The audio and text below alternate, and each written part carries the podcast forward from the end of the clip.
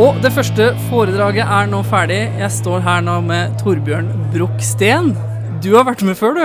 Jeg har vært med før. Eh, Jeg tror jeg var med på starten. jeg. Ja, du har vært med i tre episoder. Jeg tror det var fire, fem og seks, faktisk. faktisk. Og det jeg må si da om hele podkasten som eh, medium, og ikke minst dine podkaster som jeg har vært med på, er at dette er folk som både hører på og lærer mye av. Så Ja, det, tommel opp for deg. dette er veldig gøy. Du har akkurat vært på scenen. Jeg gjorde et uh, kjapt søk på hvor mange som egentlig har lytta på podkastene som du har vært med på. Det er tre episoder. Uh, og der har jeg snart 15 000 nedlastninger, så det Wow! Det er nesten for mye, men, eh, nei, men det er veldig fint. Og som jeg sa, det, man lærer mye av det. Så ikke minst så er det en del av det faget i akuttmedisin som kanskje noen syns er litt vanskelig. Ja. Så Og ukjent, og det er jo, det er ikke noe jeg ville ofte borti.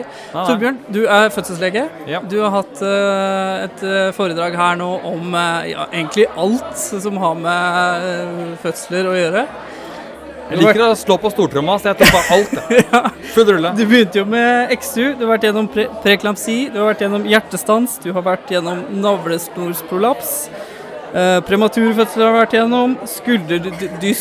Uh, hva er det du kalte for noe? Dysiksi?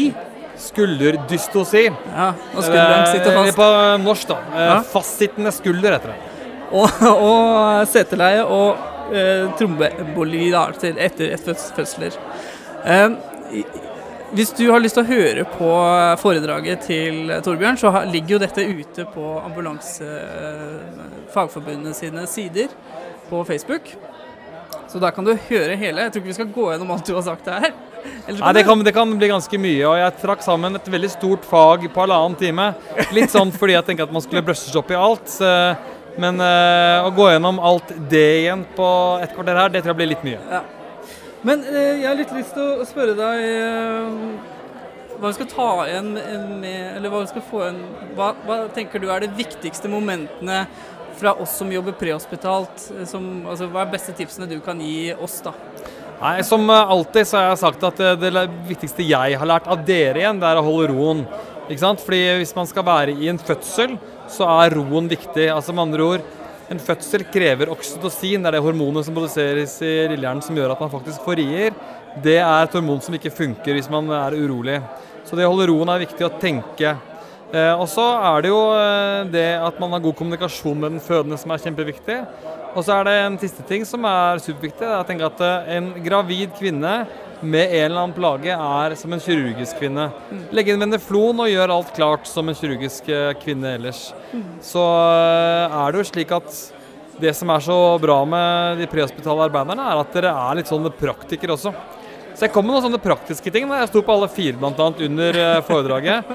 For å prøve å få til å huske på at eh, på alle fire skal man f.eks. få til setefødsler og fastsittende skuldre. Ja. Du har jo skrytt mye av oss, både gjennom podkastene som har vært, og på scenen her i dag. Og har jobbet, du har jobba som vikar. Du kalte det vikar med to k-er Altså, eh, jeg er jo en sånn eh, Oslo vest-gutt som ikke hadde anelser før jeg ble liksom tørr bak øra. Som betyr at jeg Derfor så tulla jeg litt med det, men det var det de kalte meg på Storgaten. Nei, men det var en viktig jobb for meg fordi at uh, verken før eller etter har jeg opplevd nettopp det å se ordentlig, ekte, ærlige symptomer. Og kunne virkelig liksom, starte behandlingskjeden. Når jeg sto som eh, mottaker på et akuttmottak under turnustiden, så var jo liksom da var jo de som hadde eh, både hjerteinfarkt eller lungedem de var liksom behandla. Så symptomene var nesten borte. Så det var mye av det jeg lærte. Men jeg lærte nok aller mest igjen, som jeg sa i stad, det å er som eh, tenke praktisk og, og være rolig i situasjonen for å finne gode løsninger. Og du, du, når vi hadde podkasten, så var jeg Altså, jeg har alltid vært stressa for fødsler. Det syns jeg har vært skikkelig ubehagelig. Eh, Så noe av det første jeg tenkte på, det var jo deg når jeg skulle starte denne podkasten her. Eh, Og etter det så har jeg følt at eh, du har gjort meg mye, mye tryggere. Du, jeg tror du har gjort ambulanse også Norge veldig tryggere med på en måte å være så åpen og si det at altså Sånn som du sa i podkasten også, så er dette det er ikke en, sykt, eh, en syk kvinne. Du må snu det litt grann, og tenke Ja. på at det er noe positivt. Det har jeg dratt med meg Ja, og det er, noe, det er noe positivt. Så er det veldig positivt. Ungene er født, og det er jo like kikk og gøy hver gang. Men det er jo en naturlig prosess, ikke sant. Og så er det skjær i sjøen der, som vi snakket om på foredraget mitt. Men stort sett så vil jo dere være heldige nok til å kunne forløse barn som kommer ganske lett ut. da. Ikke sant? Så da var det jeg prøvde å igjen forklare litt viktigheten av å bremse farten til ungen for ikke å skade mor og sånt. Da. Men det er eh, en veldig hyggelig, eh, hyggelig situasjon, eh, selv om det er jo alltid litt skummelt med ting man ikke gjør hver dag. Da. Får se om vi får noen flere, flere fødsler nå, da, som i forhold til jordmorpolitikken og sånt nå. Vi skal ikke gå så veldig, gå veldig inn på det. Nei, det er masse politikk her, og det er, en, det er noe med uh, å ha med nyttårstalen sin som statsminister i landet få flere barn fødende, og ikke samtidig legge til rette for uh, for, for, den. Og som det er færre fødende bl.a., så har jo vi også 2,5% mindre penger på avdelingen vår. Fordi penga følger jo aktiviteten. Så det er mange ting rundt det. Men det kan bli en annen lang podkast en annen gang. Ja, det bli en annen podkast.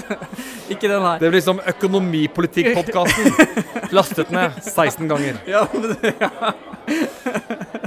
men du, eh, jeg la ut et eh, bilde av deg på Instagram uten å spørre deg først. Jeg regner med at det var greit? Ja, ja. du, og så spurte jeg er det noen som har noe å lure på. Da skrev jeg at du er fødselslege, og at du sto på scenen. Og da er det Han kaller seg Alman83. Ja. Jeg har ikke vært inne på profilen hans, jeg vet ikke hvem han er. Men han spør også eh, om setefødsel prehospitalt uten tilgang til Doppler eller Sectio. Er det risikosport? Ja, altså Det er både ja og nei. Eh, eh, jeg viste noen bilder under foredraget mitt som var en hjemmefødsel. Jeg kom ikke så godt fram når jeg snakket om det, men hjemmefødsel i eh, i Nederland, hvor de har 10-15% hjemmefødsler. Altså Det er en helt annen måte å tenke på. Og de har eh, gode tall på det. Det er klart at det å legge opp til en fødsel som i seg selv har en 30% sjanse for akutt keisersnitt, for det er det faktisk, det er kanskje ikke så greit. slik at Derfor så vil ikke hjemmefødsel i Norge faktisk godta setefødsler. Eh, ei heller så vil man på en måte legge opp til at dere må ta, ta det med i ambulansen og forløse ute. Men når jeg har sagt hvis det først blir en setefødsel prehospitalt, så kan dere liksom ikke bare stoppe det. Jeg kan ikke bare holde en hånd på rumpa til ungen og si 'nå kjører du dødsfort'! Ja, du kan gjøre det, da, men det er ikke sikkert du kommer til mål. Det hadde jeg gjort men før da, jeg møtte deg. Ja, men da vil jeg sagt til dere at uh, hvis det kommer en situasjon der, så få mor på alle fire. Jeg, jeg minner om at uh, det er gøy å holde på et fag i over 15 år og så begynne med noe helt nytt, så jeg begynte med det bare for et par måneder siden. Og det er en mye enklere måte å føde på for en, uh, en mor.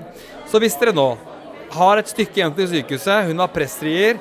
Dere tenker det blir litt rart å holde igjen. Gå på alle fire. Og det som er interessant der, er at barna føder seg selv.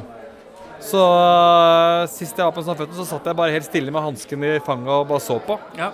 Eh, og det, da går det greit. Eh, men uh, at dere skal liksom gå inn for å ha hjemmefødsel, det kommer ikke til å skje i Norge noen gang. Uh, jeg har jo også vært på, Etter møtet med deg sist gang, så har jeg også vært på en del på YouTube. Ja, ja, ja, ja. og der ligger jo en del, bra, eller en del filmer da, om, eh, om eh, både normalfødsler og setefødsler. Så det var litt merkelig den gangen jeg satt eh, i sofaen hjemme og fruen kom hjem og jeg satt og så på fødsler. Da, da spurte hun fælt, men. Og ikke bare det, du må jo logge deg inn på YouTube. Du kan ikke bare, du må liksom verifisere alderen og sånt noe. Nei, eh, det er helt riktig. Og det er, ikke noe, det er faktisk slik at eh, setefødsel bl.a., som er litt uvanlig, det, det, eller 4 føder seteleie, det er nok fordi at man sitter på steder rundt om i verden og bare la oss fiske opp under den forløsningen. Men det jeg må blott å si, da, er at ingen av de er bra. Mm. ingen av de er egentlig sånn håndverksmessig bra. Så eh, jeg har hatt en liten tanke, jeg også, da, siden du er gründer, å lage en sånn YouTube-kanal hvor jeg har liksom sånn OK, in case you need this help, we do like this. Eh, og, da, og, da, vil jeg nok eh, forsøke å legge ut en sånn blant annet en sånn alle fire setefødselfilm. Men også en setefødselfilm som vil være med helt si, vanlig på rygg. da. Mm. Mm. En siste ting. Eh, blødning, postpartumblødning, er jo litt sånn eh, Ja, det er jo det mange dør av. Ja. Eh, du sier at all blødning under 1000 milliliter er ikke farlig. Nei, det er litt fordi fysiologisk sett så er en gravid kvinne velsignet med en ekstra halvliter til en liter, faktisk. Det er fordi hun får mer blodvolum fordi hun skal ta seg av en ekstra kropp. Eh, således kan den bløse ut. Og alle som er normale, friske, voksne mennesker, kan jo gå til blodbanken og donere en halvliter. Så den 1000 milliliter, det er helt i orden.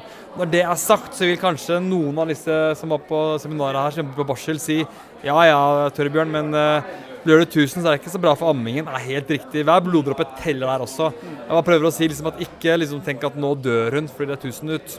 Eh, men for all del, eh, jo mindre som blør, jo bedre. Mm. Du, Torbjørn.